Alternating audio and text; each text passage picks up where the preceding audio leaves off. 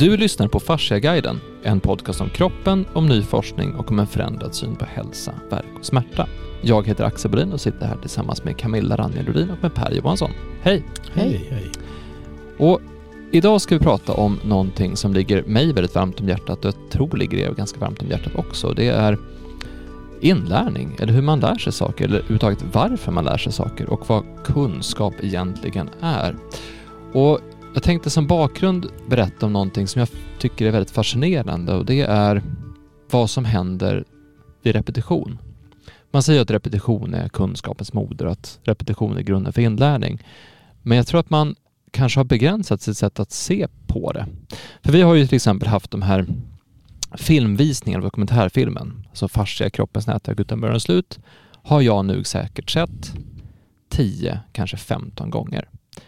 Och när vi har hållit workshops, vilket jag gjort kanske 40 gånger, så ser jag de filmklipp vi alltid börjar med om och om och om igen. Så det finns, det finns korta filmklipp om fascia och om intervju med Vibeke Eldbrund och om, om från Fascia Research Congress 2018 som jag har sett. Alltså, jag har nog sett dem säkert hundra gånger. Men någonting händer ju när man ser någonting igen. För man förstår saker på ett annat sätt. Och långt innan vi träffades Per så, så lyssnade jag ju på de poddar som du och Erik Skylt hade, hade gjort som heter Människan och maskinen och Kunskapens träd och Myter och mysterier. Och de första avsnitten, jag tror första kanske 80 avsnitten ni gjorde, lyssnade jag på tre gånger. Alltså varvet om. Och jag märkte häromdagen att jag var nästan sugen på att lyssna om på några av dem igen. Därför att det händer någonting när man lyssnar på det igen. För första gången så hör man det och så blir det som, ja men det här var ju intressant. Och andra gången så hör man det och då hör man helt alltså andra saker. Och tredje gången så hör man det, då förstår man saker på ett annat sätt. Och fjärde gången man hör det, då lägger man märke till en liten detalj som man inte tänkte på innan. Och det jag funderar på är, du som lyssnar nu, hur mycket av det vi pratar om i de här avsnitten tar du egentligen in? Och hur mycket fastnar? Och anledningen till att vi sitter här nu och gör ett ja, vad blir det här, 109 avsnittet av Farsa-guiden, är ju att vi trodde vi hade sagt allt, Camilla, när vi kom till avsnitt 50.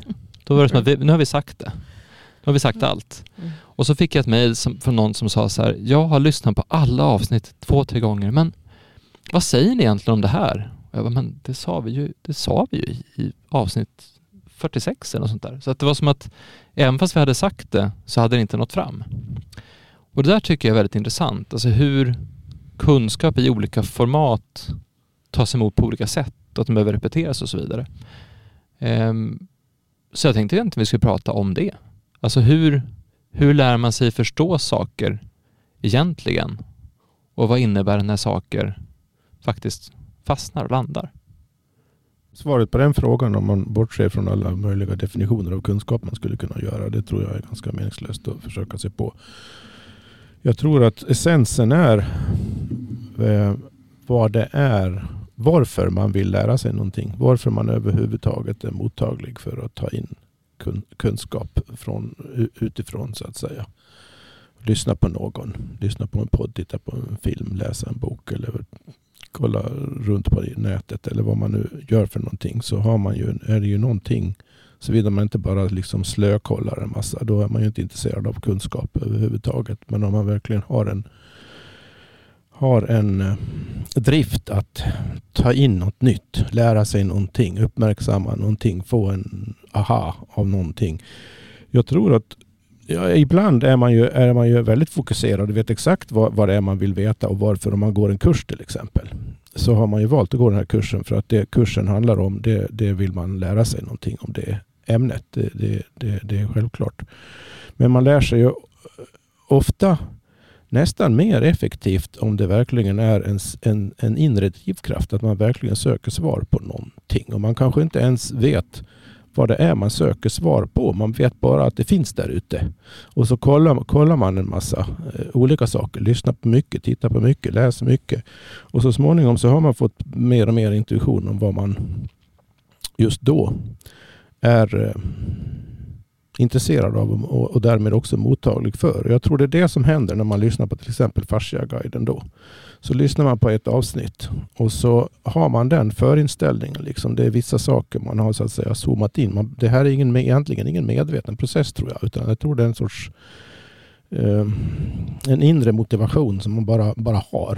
Jag behöver inte gå in på några förklaringar av det. Utan jag tror alla kan känna igen att man har en inre nyfikenhet helt enkelt. Och få reda på någonting. Och när man, när man är i det modet så kommer man att reagera på det som just då träffar ens motivation starkast. Det kommer man att, att, att, reagera på, det kommer man att komma ihåg. Det kommer man att notera. Och är det någonting som verkligen har sagt det någonting så, så tycker man att ja, det var bra, det var intressant. Eh, apropå det, det du undrade då så tror jag att i och med det, som jag, jag själv menar är det absolut bästa och mest eh, givande på alla möjliga sätt. Och om man så vill effektiva sättet att lära sig sa viktiga saker på sikt i alla fall. Det är just det genom den sortens motivation. Men det betyder ju att du tar in det som motiverar dig för stunden. Det som väcker dig för stunden. Det som väcker aha för stunden. Men du, du, du missar det som inte gör det.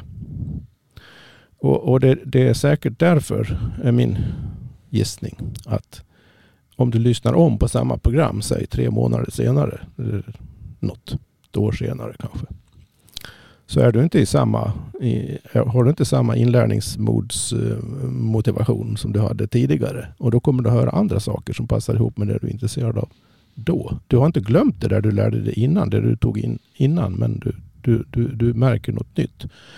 Och jag tror det, det, det här skulle man kunna säga är min definition av vad ett levande lärande är för någonting. Ett lärande i livet, för livet, fungerar på det sättet. Och det är egentligen det, det enda lärande som är värt någonting på sikt för en själv och för andra också förmodligen om det utvecklar en själv så påverkar det hur man förhåller sig till andra i förlängningen.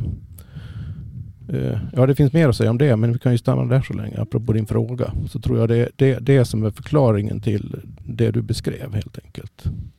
Men det är någonting som jag tror vi har svårt att tänka på ibland som, eller vi har svårt att förstå den aspekten av det, är just den här, för det, det jag lyssnade på en, en eh, filmkritiker som jag har följt ganska länge och så förklarade han varför han tyckte film var så fantastiskt, att man, eller varför han gärna ser om filmer.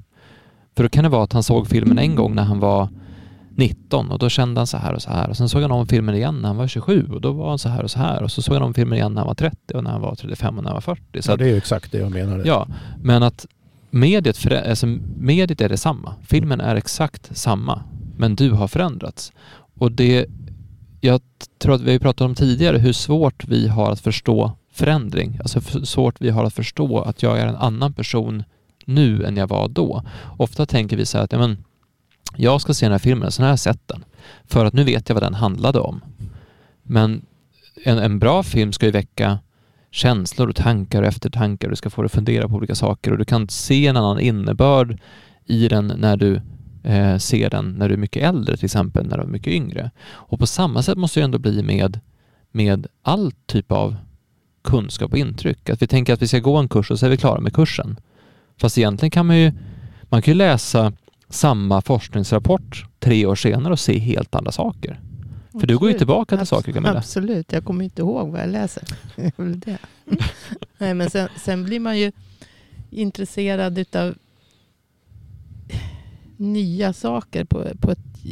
Alltså, ja, lite, om man första gången man läser någonting eller första gången man lyssnar på någonting. Det beror ju också på energin hos den som lär ut om, om det är någon som är jätteintresserad. Jag kanske inte alls är jättemotiverad för kursen eller så. Men så är den som lär ut otroligt energifull och liksom entusiastisk. Och då blir jag intresserad. Och då lär jag mig en massa saker. Men då, då snappar jag ju inte upp eftersom jag inte var så intresserad från början så snappar jag inte upp kanske mer än en liten del. Och sen kanske jag blir mer intresserad av det här och så börjar man försöka förkovra sig själv. Och så nästa gång man hör på samma sak igen. Då kommer man ju uppfatta många har mycket djupare kunskap om man säger så. Alltså tredje gången ännu djupare kunskap.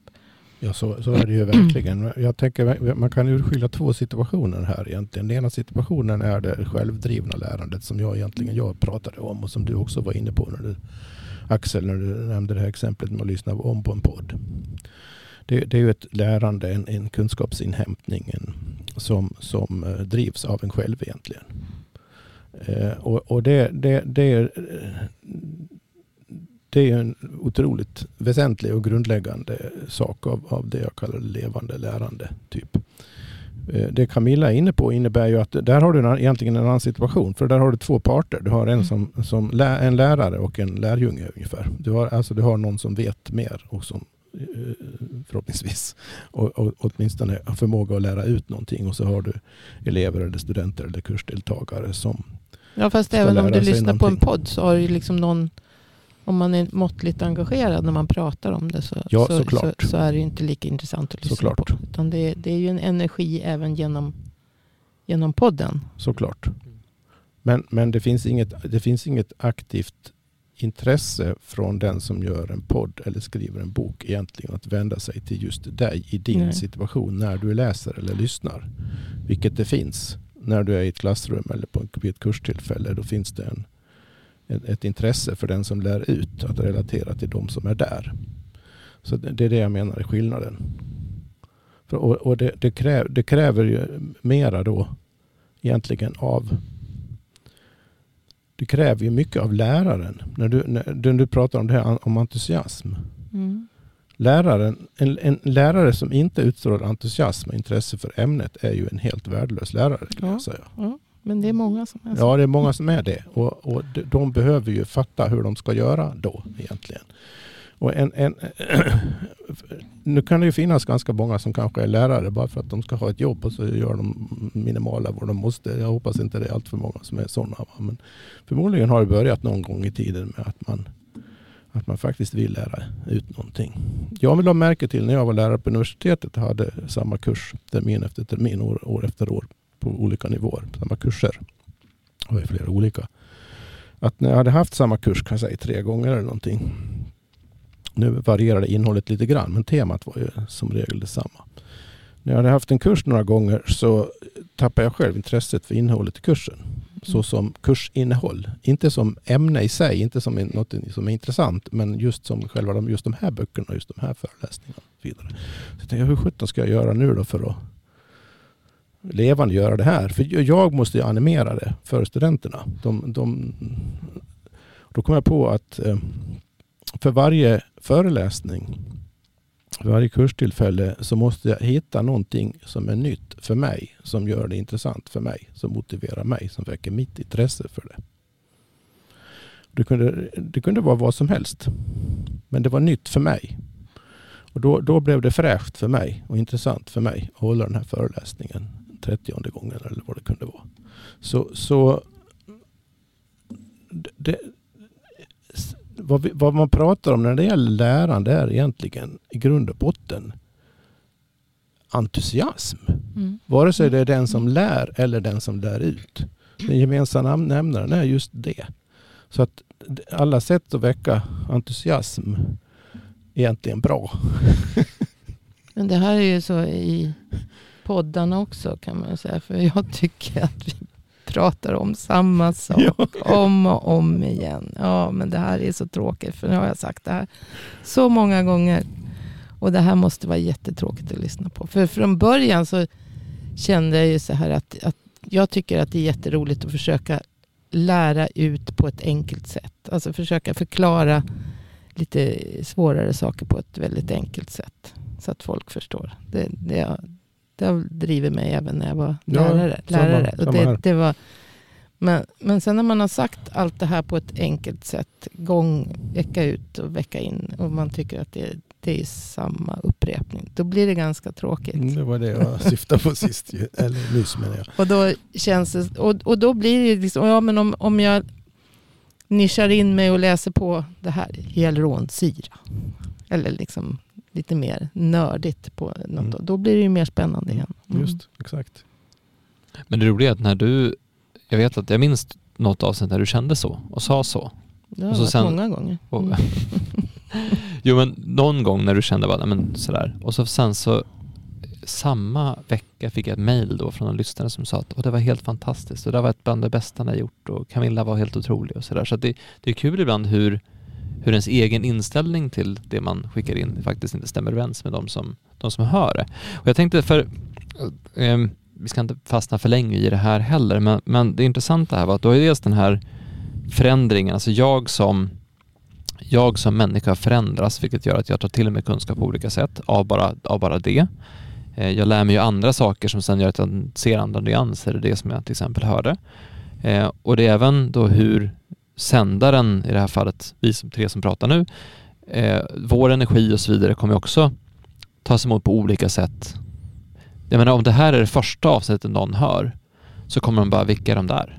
Men om det här är det 109 avsnittet någon hör eller om någon har hört 100 avsnitt två gånger och sen blir det här kanske, det här kanske blir 250 gången de lyssnar på oss. Då kommer det vara så här, ja men det är, det är Axel och Camilla Per och jag vet vad de kommer säga eller jag vet vem jag tycker om att lyssna på eller jag vet vem jag, vem jag lyssnar mest på relaterat till. Så att det blir olika, det blir så otroligt olika för varenda person som lyssnar på den. Och så, sen var det som någon som sa, någon som hade en kommentar om ett avsnitt vi hade gjort eh, om, om ett ämne sa som att det där Ja, det där måste du nog, ta, göra om igen och så vidare. Men det var ju tre år sedan, så det har hänt mycket Mm. med oss också under den tiden. Ju, vi har ju lärt oss mycket. Så att vi är ju också annorlunda personer än när vi började den här podden. Så där finns det också väldigt mycket variation i det. Ja, därför är, det är därför jag poäng- poängterar, det är där jag pratar, kallar det nu spontant levande lärande. Nämli, nämligen att vad är det man sysslar med egentligen när man lär in saker eller lär ut saker? Det är så otroligt lätt i vår kultur i synnerhet som är så eh, vad ska man säga, sakorienterad och, och, och så vidare. Att tänka sig att det primära är själva innehållet. Vad det handlar om, som du sa apropå film. Mm. Men egentligen är det primära själva interaktionen mellan människorna i sammanhanget. Och, och, och där, där är så att säga in, det, sakinnehållet ett bonus skulle man kunna säga. Så, eh, om, om inte relationerna mellan människorna fungerar som de ska, liksom skapar en lärande atmosfär om man kallar det för det. Då, då, då, då återstår bara själva sakinnehållet och det enda man kan göra med det då, det är att plugga in det. Mm. Så det, det, är där, det är där man hamnar. Och det där blir, för, eh, återigen ett exempel då, som från, från filmer från så, för då hörde jag några som pratade om, ehm, de pratade just om film och då var det någon som hade, det var någon vars partner alltid läste recaps, alltså sammanfattningen av serien eller av filmen innan. Eller bara det. Och så bara, nu har jag som sett den eller läst den. Men, men om du läser en sammanfattning av handlingen, då missar du ju det som kanske gör... Du missar ju all känsla, du missar all, all relation. Du missar att den här karaktären då står och tittar ut över ett landskap och, och suckar och man kan se glädjen eller sorgen i ansiktet och man kan, man kan känna, leva sig in i hur Det personen finns ju en känner. anledning till att man gör en film och inte, inte skriver en synopsis bara. Ja men precis och då blir det ju som att man missar, ser man bara till själva eh, handlingen, ser man bara till själva det innehållet så blir det ganska tomt och ganska dött. Men för jag tänkte, ehm, som lyssnare av en podd då så kan man ju, för det har också märkt när man har föreläst, jag har märkt vilka, vilken kommentar man har fått och så vidare, att man är lite där av olika anledningar. Så vissa verkar vilja ha den här inspirationen. Alltså vi säger någonting och så inspirerar de till att oh, men den där tanken jag hade tänkt förut och så börjar det som, man lyssnar, blir inspirerad och sen går man som därifrån och så lever man på sitt eget liv sådär. Eh, och för vissa är det att, att lära sig. Ja, men jag vill nu veta, jag vill höra någon berätta hur någonting fungerar. Mm. Till exempel, jag tror att det är avsnitt 45 vi pratar om immunförsvaret och så nu vill jag veta hur immunförsvaret fungerar så att jag förstår det. Men sen finns ju den här biten att, att man verkligen vill förstå. Som vi tar då eh, myter och mysterier och människan och maskinavsnitten till exempel så var det först när jag lyssnade på det tredje gången som jag kände att jag, jag verkligen började förstå. Alltså började förstå den, den egentliga innebörden bakom något. För det finns ju alltid ett, det finns ju alltid ett annat djup i kunskap än vad som först verkar vara fallet. Eh, och sen är det vissa som bara hör någonting för att få bekräftelse på någonting de redan kände eller visste eller trodde att en röst till stärker ens befintliga egna åsikter. Och om man tar den komplexiteten då, för jag fick en, jag fick en fråga eh, tror jag förra, förra veckan eller någonting, från någon som sa så här, ja men, och det är inte bara en, utan jag har fått, jag har fått kanske tre, fyra stycken exakt likadana mejl. Eh, jag har lyssnat på alla avsnitt. Kommer jag fortfarande ha nytta av kursen Farsen och levande kroppen som ni har tagit fram? Och då svarar jag så här, ja, det är jättesvårt för mig att svara på om du kan ha nytta av en kurs eller inte. Mm. men jag hade nytta av kursen. Alltså jag personligen. Så, att, så här var det, att vi, vi eh, fick ett uppdrag, eller tog oss an ett uppdrag i maj 2022. Att vi skulle försöka få en vetenskaplig förklaringsgrund bakom fascia och fasciabehandling. Och det var ett jobb som vi höll på med fram till december. Och när vi fick ner den på papper så kändes det så här. Oj, här, här har vi någonting. Det här är faktiskt, det här är kort, det är koncist.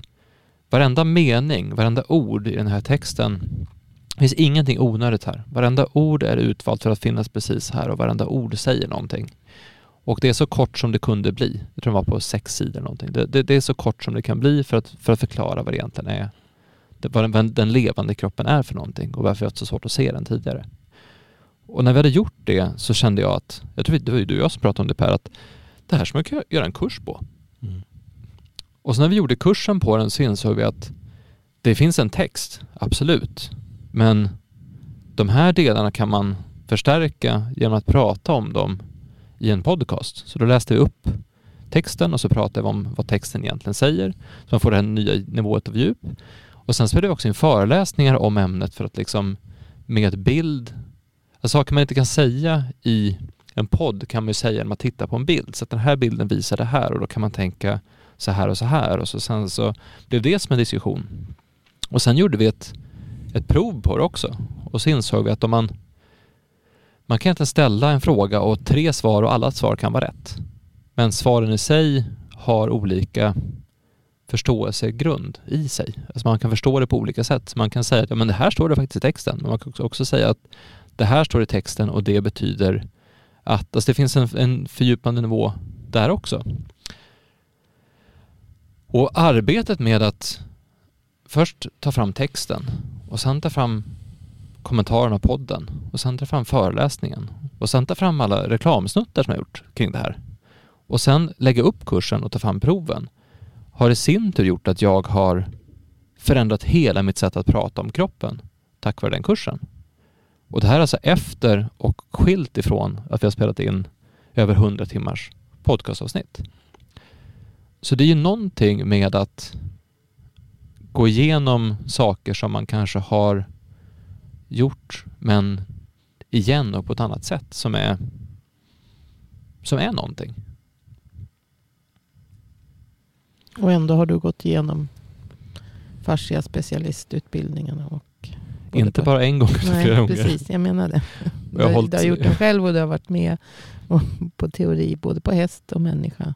Jag har hållit workshopen 40 gånger. Workshop. Ja, precis. Och jag har varit med i x antal poddar, andra poddar och pratat om samma sak. Mm. Så ändå Så. känns det nytt och annorlunda. Mitt intryck av, jag har ju inte uh, hållit 40 fascia workshops och dylikt då utan kommer uh, från ett annat håll med det här. Men just när det gäller frågan om Grundfrågan vi, vi, som ligger under allt som är gjort här egentligen är ju hur, hur kan man tänka på och se på och uppfatta kroppen som en helhet? Det, eh, och det är just den frågor, typen av frågor då har ju jag sysslat med jämt känns det som. Men även professionellt i många, många år i olika sammanhang. Både på universitet och utanför universitet. Så att är det någonting jag har så att säga tragglat igenom tusen gånger från alla tänkbara synpunkter så är det just det hur man tänker på helheter. Så att det blir vettigt. Och, och, man kan så att säga hoppa mellan nivåerna. Man kan gå från helhetsnivån till detaljnivåerna och tillbaka igen. Och man kan avgöra vilka detalj, vilken detaljnivå som är relevant för en viss helhetsfråga och alla, alla möjliga kors och tvärs sådana frågor som man behöver kunna hantera om man ska bli bra på det där. Eh, uh, ur det har ju, har ju jag då, och det är det jag har fått tillfälle att tillämpa här tillsammans med, med er och med dig Axel och, och Camilla när vi har gjort de här kurserna. Uh, kursavsnitten. Uh, och överhuvudtaget allt jag har gjort tillsammans med dig, särskilt med dig här nu när det gäller utveckling av olika slag här. Så Axel, så för mig har ju det varit då ett sätt att så koncist det bara går konkretisera och så enkelt det går utan att tappa komplexiteten samtidigt. Alltså komplexiteten måste finnas vad ska man säga, underförstådd i förenklingen. Det är först då det börjar. För en förenkling blir riktigt bra när, när komplexiteten är underförstådd. När man, även om man bara tar till sig förenklingen så anar man ändå att det finns en, en massa djup under och bakom det hela. Jag tror att det är en förutsättning för att det ska bli en bra förenkling. Men just det arbetet är otroligt bildande. Hur mycket man själv än har blivit någorlunda hyfsat bra på någonting så är just det koncentrationsarbetet och koka ner det ger en någonting nytt. Och så så jag, jag, kan ju, jag, jag märker ju också att det är mycket lättare för mig nu att prata om eh, vad, vad, som jag får ju frågan då från vänner och bekanta när, när de får reda på att jag jobbar med er här nu då. Eh, jaha, men vad gör du då? då liksom? Och vad handlar det om? Och en del har aldrig hört talas om fascia, så då får jag förklara det också. De flesta inte faktiskt. Så eh, jag har ju också märkt att jag kan mycket snabbare och lättare få, efter vi gjort den här kursen. Eller under, ar under arbetets gång egentligen. Från, vi gjorde dokumentet kan jag väl säga. Det första dokumentet som var grund för det hela. Så har, märker jag att jag kan på två minuter, tre minuter koka ner det essensen. Så att de som lyssnar, eh, då, det är ju informella sammanhang såklart. Liksom, Jaha, men det låter jätteintressant. Och så börjar de ställa en massa eh, frågor.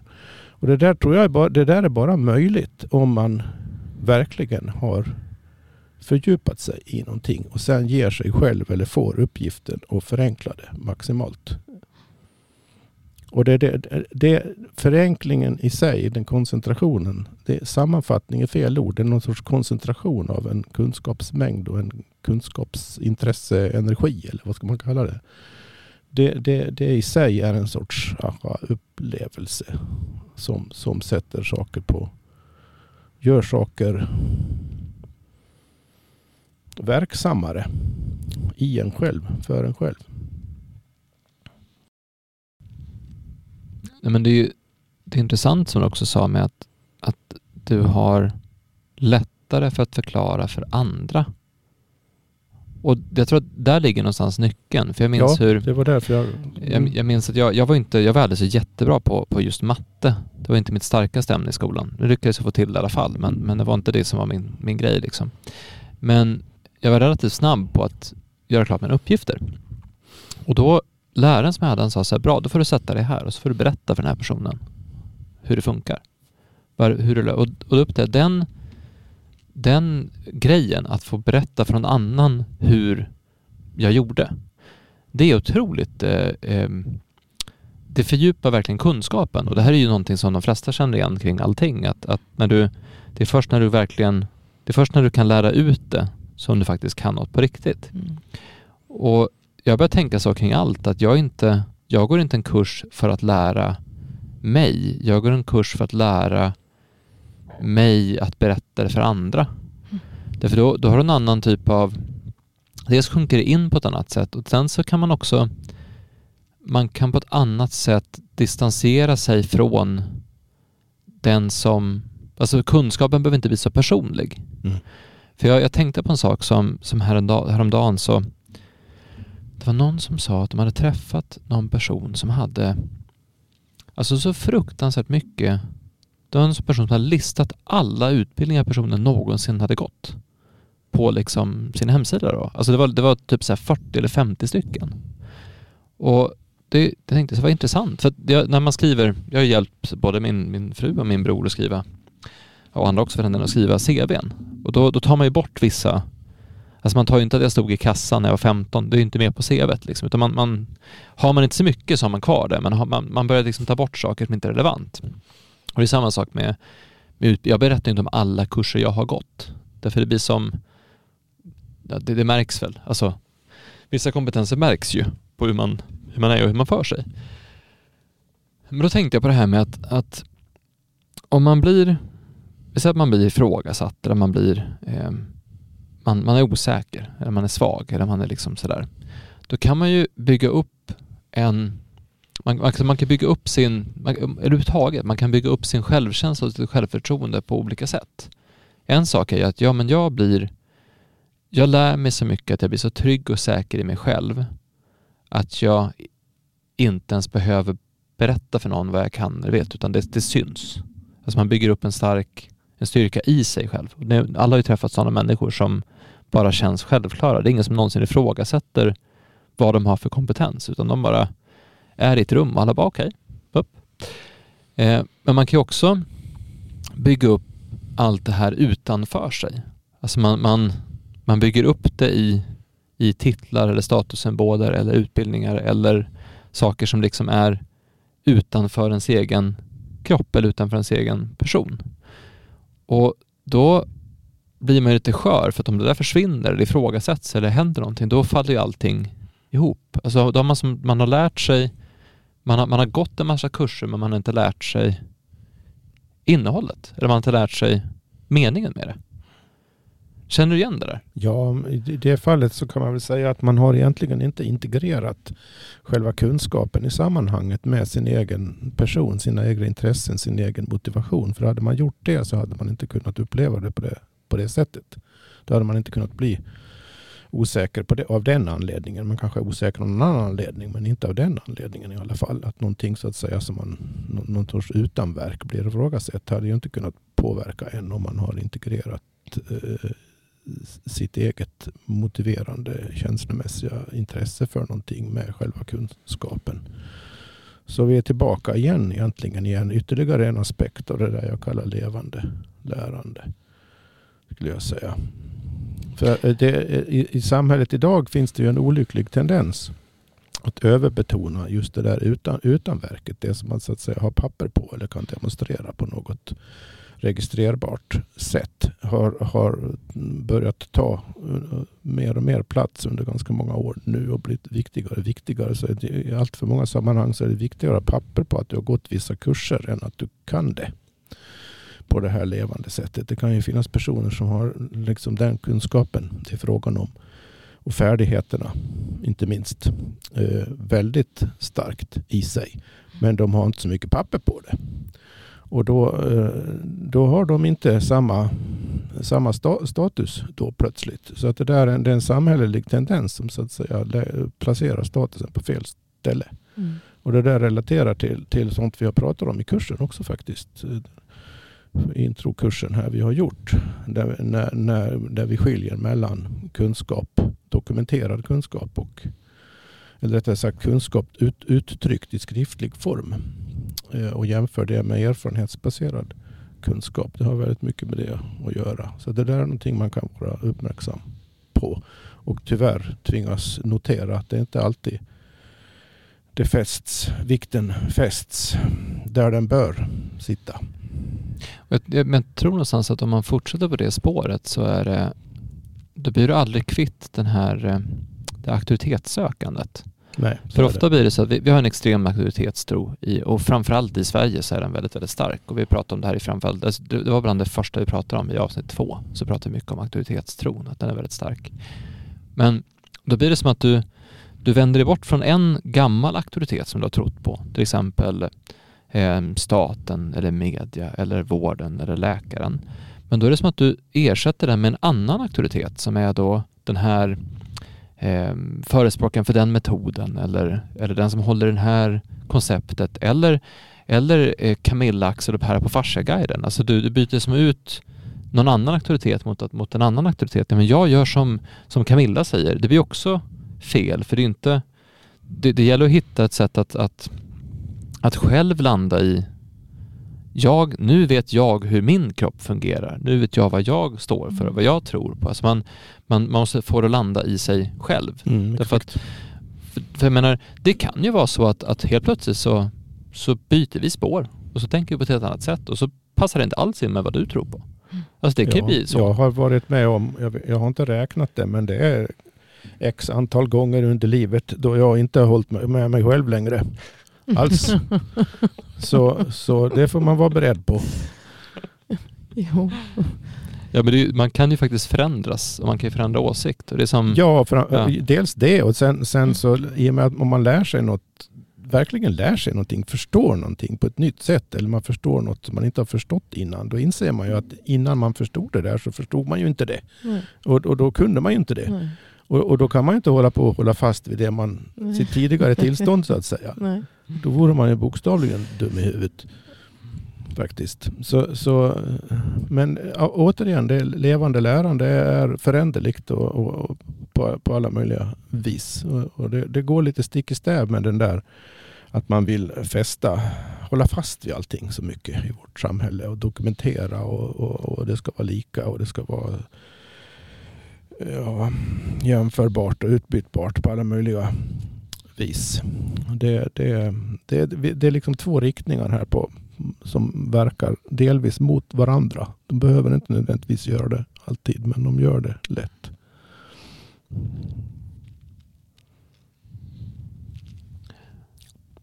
Nej, men det är ju...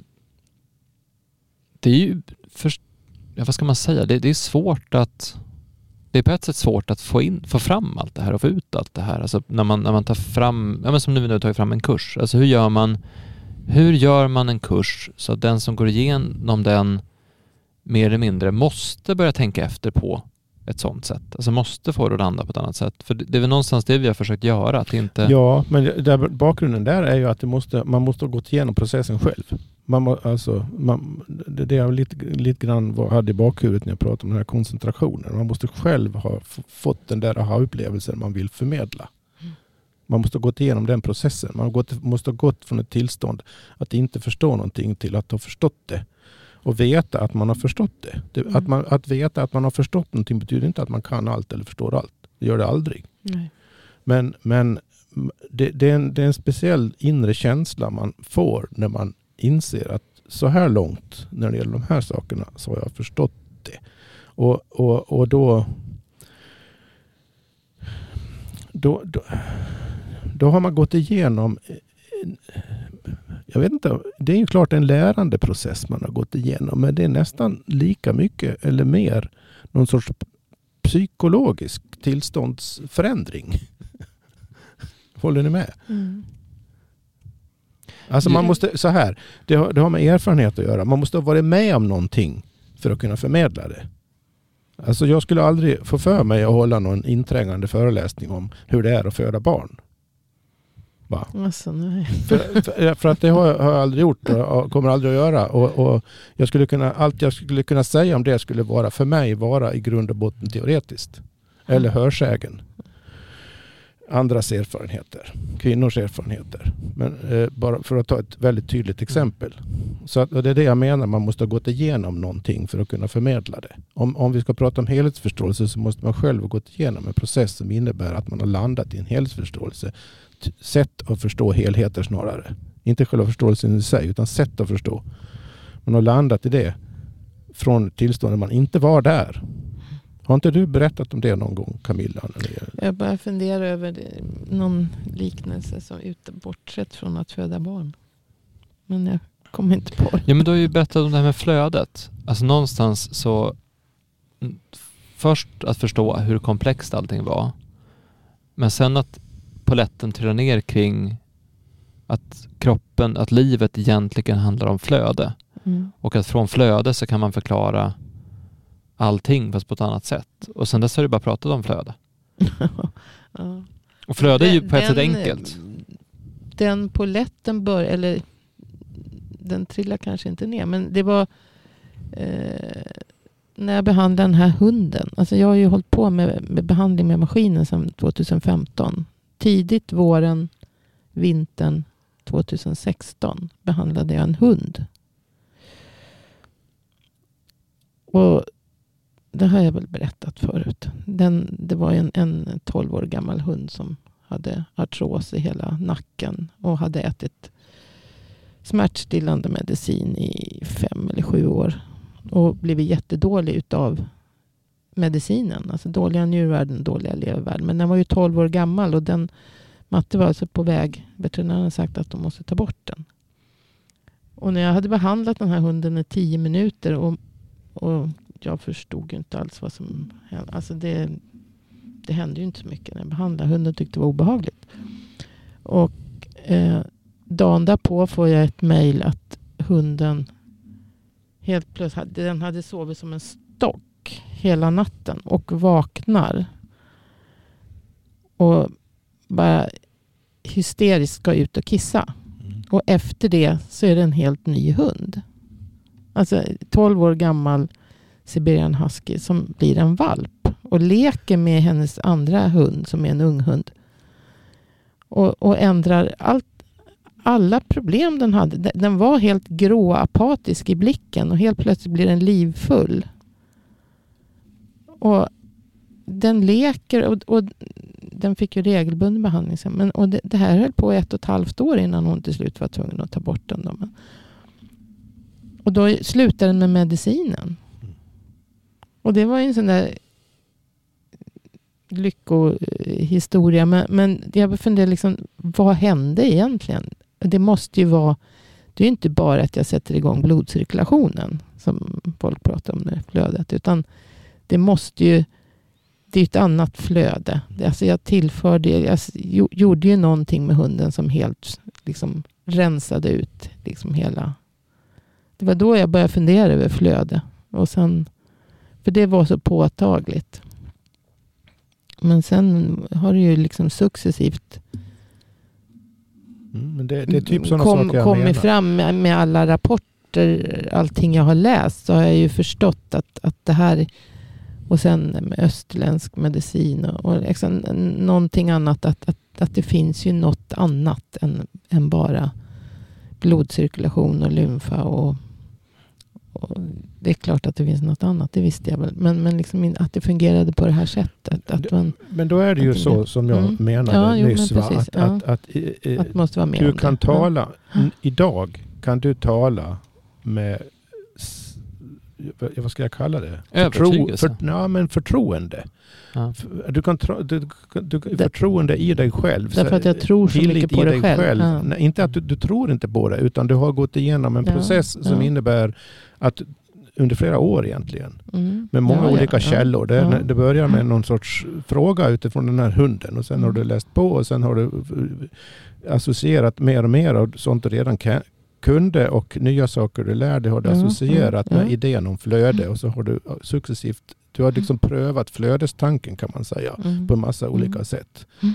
Och det, det, är precis det, det jag menar. Då, då, då, har man när, när, när man undervisar eller försöker beskriva någonting eller förklara någonting för en annan utifrån en sådan grund.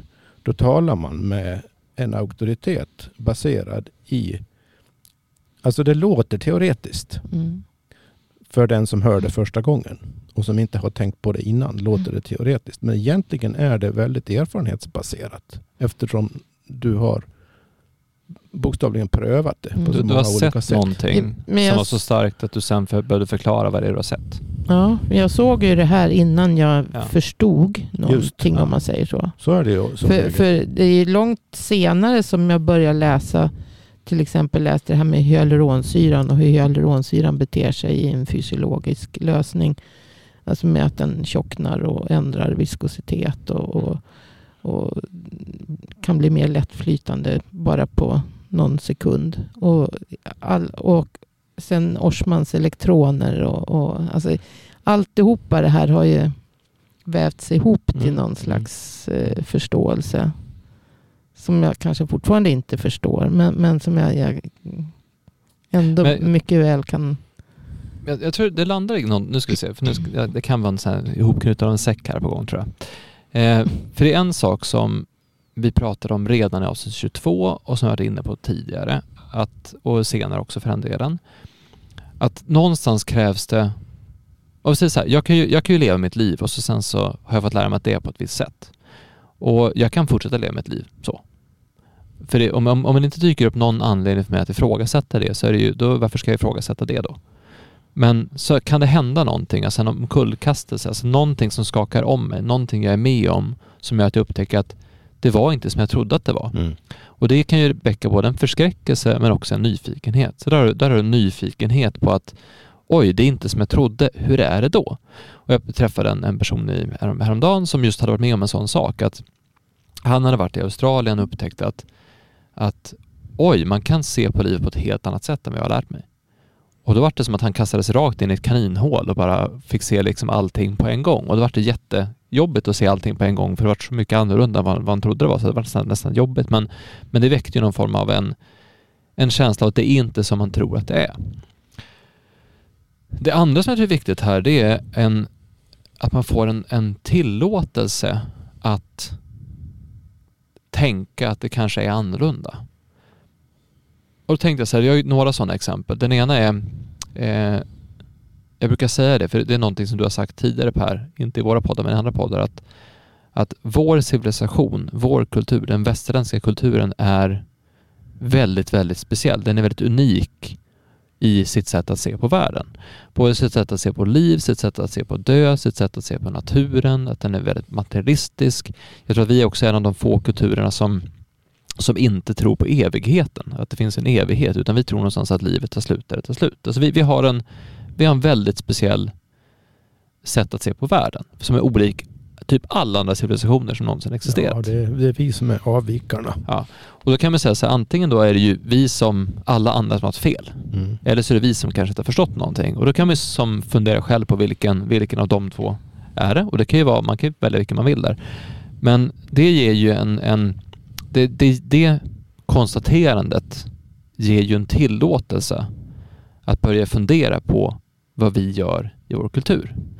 Och en annan sån sak var ju när vi träffade eh, den tyska eh, forskaren Heike Jäger som var här 2017 och föreläste för oss. Och så sa hon så att nu har man hittat så mycket märkligt i kroppen så att vi är tillbaka på ett observationsstadie. Alltså det vi visste om kroppen, vi upptäckte att det är mycket, så mycket vi inte vet just nu så vi kan nog inte säga någonting med säkerhet.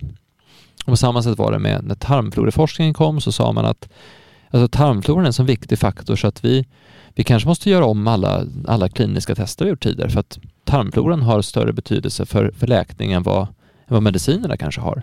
Och då ska inte ens börja tala om fascia, vad man har upptäckt kring det. Och så sen så kom det ju, vi hade ett föredrag häromdagen också, att alltså just att hur många, hur få studier som är gjorda på kvinnor för att förstå kvinnokroppen. Så då kan man inte säga att man förstår kvinnokroppen om det är så få studier som är gjorda på kvinnokroppen jämfört med män.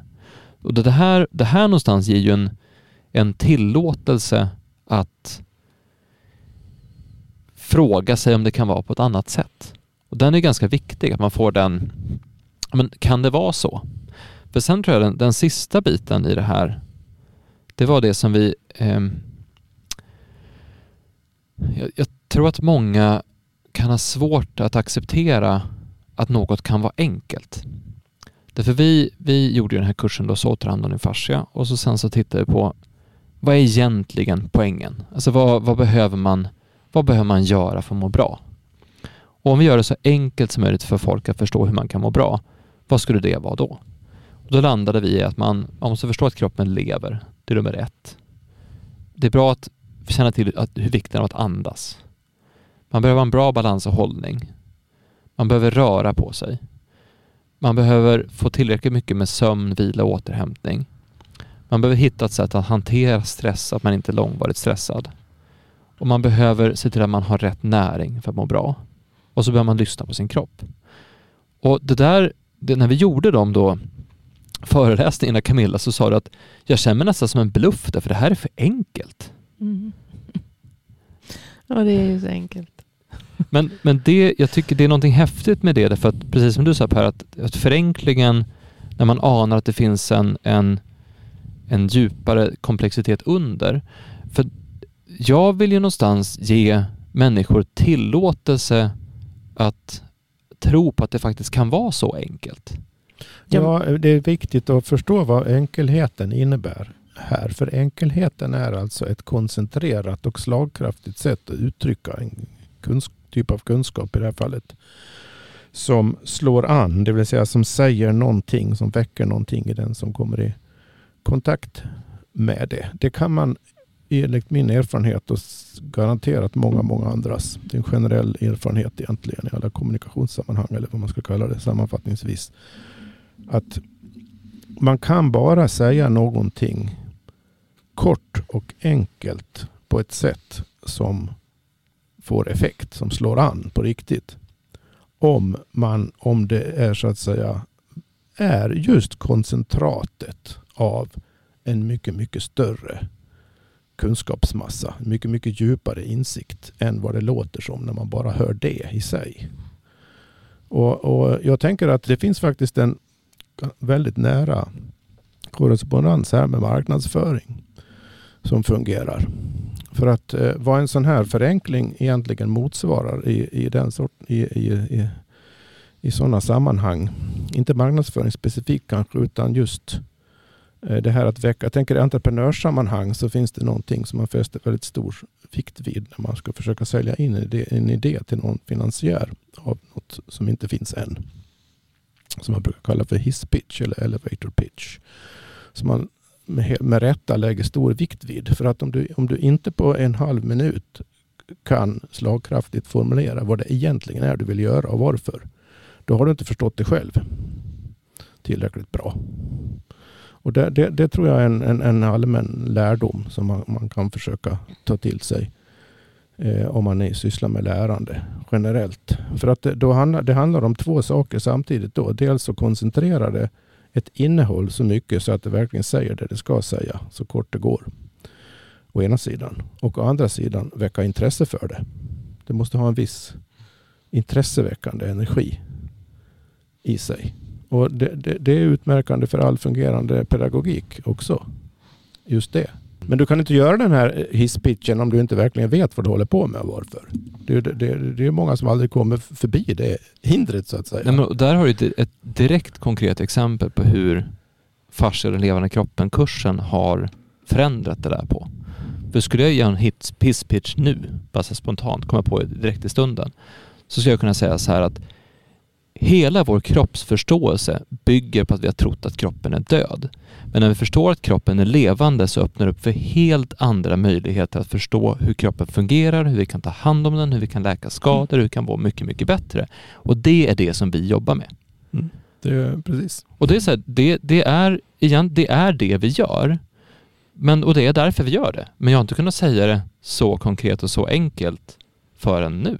Mm, mm, det är exakt så. Men där i det, i det statementet har du egentligen allting. Det är någonting som är fel. Vi har sett kroppen som död. Nu ser vi den som levande och då får man helt andra möjligheter. Och, och det försöker vi göra så mycket som möjligt av. Ja, där har du en, en, en formulering som tar några sekunder att säga men som rymmer det här underliggande djupet och implikationerna jag talade om. Och de associationerna väcks automatiskt när man hör det. Så att eh, det, är, det är verkligen viktigt att, att förstå hur det funkar det där. Om man är intresserad av allt som mm. har med lärande att göra. Både inlärning och utlärning om man kallar det så. Men, men där och då så kände du Camilla att det var nästan lite för enkelt och simpelt och självklart. Men så här i efterhand då när du tänker tillbaka på? Ja men alltså det, det är inte så att det är enkelt att utföra alla de här punkterna på något sätt. Det var inte så. Men, men just att det var så basic så kände jag men det här vet ju alla redan. Det är liksom men, ehm, men det där tror vikten, vikten är man, att, att, Till och med jag glömmer ju bort. till och med jag. nej, men, nej, men jag som är, är så, försöker verkligen. Men, men, jag glömmer ju bort många. man sover dåligt, man lägger sig sent, man eh, stressar, man äter dåligt periodvis. Och, och det, men det där jag menar att om du, om du vet, om du har lärt dig och mm. förstår till exempel på riktigt hur skadligt stress är för kroppen. Då kommer du ju nästa gång du stressar att vara medveten om det.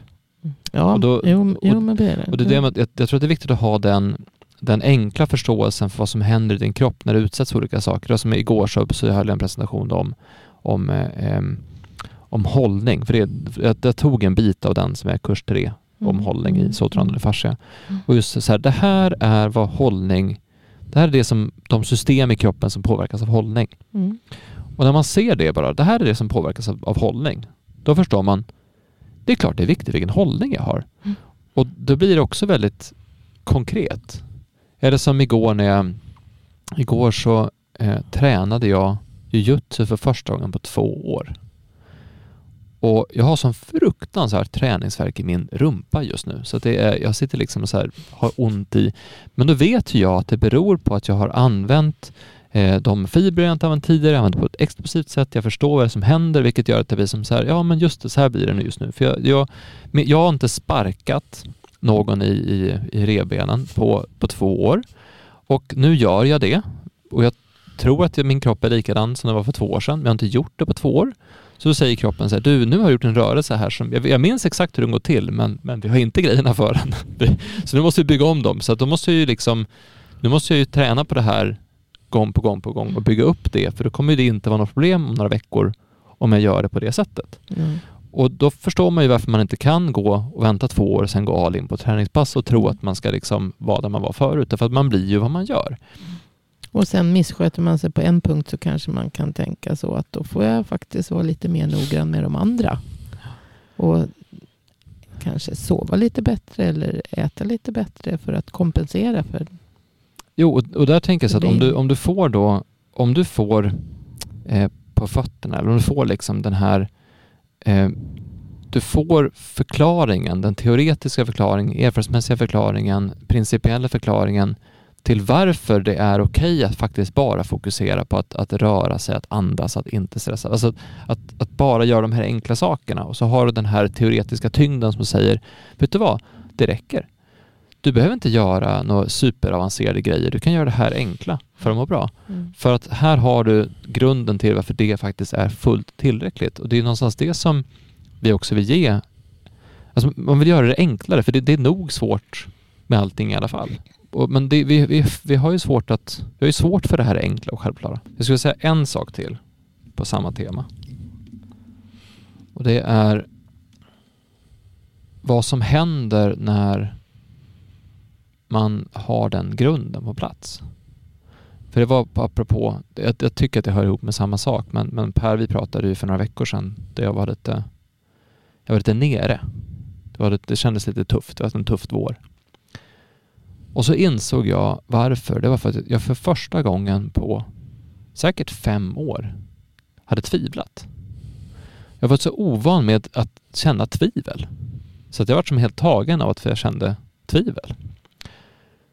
Och då tänker jag så här, men vad många människor det är som tvivlar hela tiden.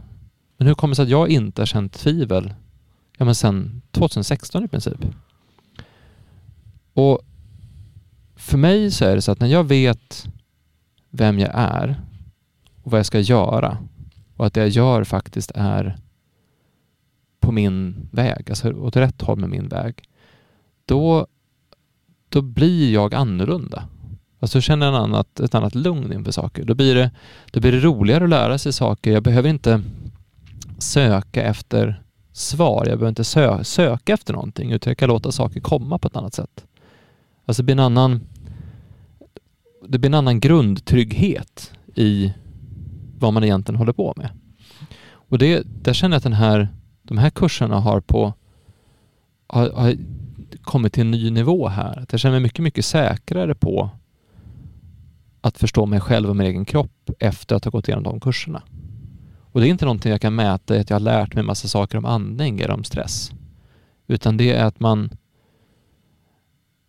jag känner mig tryggare i att det kan vara så enkelt och jag känner en större tillit till min egen kropp och till det som det som vi håller på med. Jag tror att du nämnde självklarheter innan. Jag tror nyckeln till att hur vi fick till de där kurserna är att vi fokuserade på principer. Eh, Principer är ju egentligen ett annat ord för självklarheter. Mm. För principer är det man inte kan komma ifrån. Det är det som gäller all, alla, alltid. Om man, om man har vissa grundläggande principer för liv och vad som känns levande och är levande och inte dött och inte dör och inte försvagas och så vidare. Om man har vissa grundläggande sådana principer klart för sig då kommer man att märka, och det är det vi har försökt få fram i kurserna också här nu då, och som antagligen är det som bidrar till de här effekterna du har nämnt, Axel, för oss själva och på annat sätt. Nämligen att i den mån man verkligen inte glömmer bort några självklarheter, i den mån man verkligen har förstått, och det är inte så svårt att förstå principer, det är det som är paradoxalt här. Va? Man kan förstå något så otroligt komplext som den levande kroppen, eller till och med ett ekosystem, principiellt ganska enkelt. Det betyder inte att du förstår allt som händer, att du kan förklara allt som händer. Men du, du vet exakt faktiskt vad du aldrig får glömma bort, vad du aldrig kan bortse ifrån. Och då märker man, som vi gjorde och gjorde en grej, jag har gjort en grej av i kurserna, att den principiella förståelsen är lika användbar för att fördjupa den teoretiska kunskapen i sammanhanget som den är för att eh, inse varför de praktiska sidorna av saken, hur man ska leva, hur man ska äta och så vidare. Eh, principerna fun funkar så att säga i förhållande både till teorin och praktiken. Och, och, och, och, det är intressant, märkligt. Det skulle man försöka, kunna försöka göra ett helt poddprogram bara om det. Nämligen frågan varför får vi inte i vårt samhälle lära oss några principer för liv? För hade vi fått det från småskolan och framåt, mer och mer ingående, mer och mer kunskapstyngt skulle man kunna säga. Men aldrig eh, glömt bort principer för både, både hur man förstår saker och hur man lever. Då hade vi inte haft jag undrar om vi hade egentligen haft några av de här problem vi dras med i samhället idag. Vi hade bara haft de problem som har med själva levandet och livet på jorden att göra. Att det innebär vissa begränsningar, att man dör förr eller senare och sådana saker. Alla, all, allt som har, har, sånt här kommer vi aldrig ifrån. Det hör också till principen att man, vissa saker kommer man inte ifrån och det är inte lönt att försöka ens. Utan man får basera sig på det istället. Hade vi, hade vi haft ett samhälle som förstår vikten av att lära sig vissa grundläggande principer för liv. Då, då hade vi mm, varit på ett helt annat ställe. Så därför blir den kritiska frågan här i slutändan. Hur kommer det sig att vi inte gör det? Ja, där... Eftersom det i sig egentligen inte är svårt. Nej, men det som gör, ja, det som är intressant med att vi inte har fått lära oss det, det är också en anledning till att det är så svårt att acceptera att det kan vara så ja, enkelt. Ja, vi är felindoktrinerade helt enkelt. Vi har, vi har liksom skolats in i ett sätt att tänka, ett sätt att kategorisera, ett sätt att uppfatta saker och ting, ett sätt att ja, just tänka egentligen. Och, och, och nästan på perceptionsnivå ibland. Som, som inte är principiellt och därmed inte levande. Och det är det man gör, gör det så utmanande med att förstå kroppen som en helhet, kroppen som levande, med att förstå mig själv som varelse är ju att allting runt omkring mig speglar att det inte är så. Alltså allting runt omkring mig säger att det inte är enkelt, att det inte är levande. Så att det inte... Om du lyssnar på dig själv så blir det fel. Ja. Du måste lyssna på någon annan som vet. Ja, och det, brukar ta som, som grundexempel att nej, om jag ska verkligen vara med min dotter, då ska jag gå all in, vara där med hela min varelse. Jag ska skratta, jag ska tjoa, jag ska skimma, jag ska vara löjlig, jag ska vara sprallig, jag ska sjunga, jag ska dansa. Alltså jag måste vara verkligen så mycket, så mycket Axel som jag kan vara, måste jag vara för att verkligen vara med henne. Men då är det som att äh, nej, man ska inte vara så löjlig, äh, man ska inte fåna sig, äh, man ska inte göra det, nej, men man måste gå och jobba istället, eller man måste si och så, eller men typ så här, nu, nu är du i vägen när jag gör det här. Alltså det är så, det är så mycket som det är så mycket i vårt levnadsmönster som går emot att vara levande och här och nu. Och det måste vara någonting som är lite tokigt. Mm.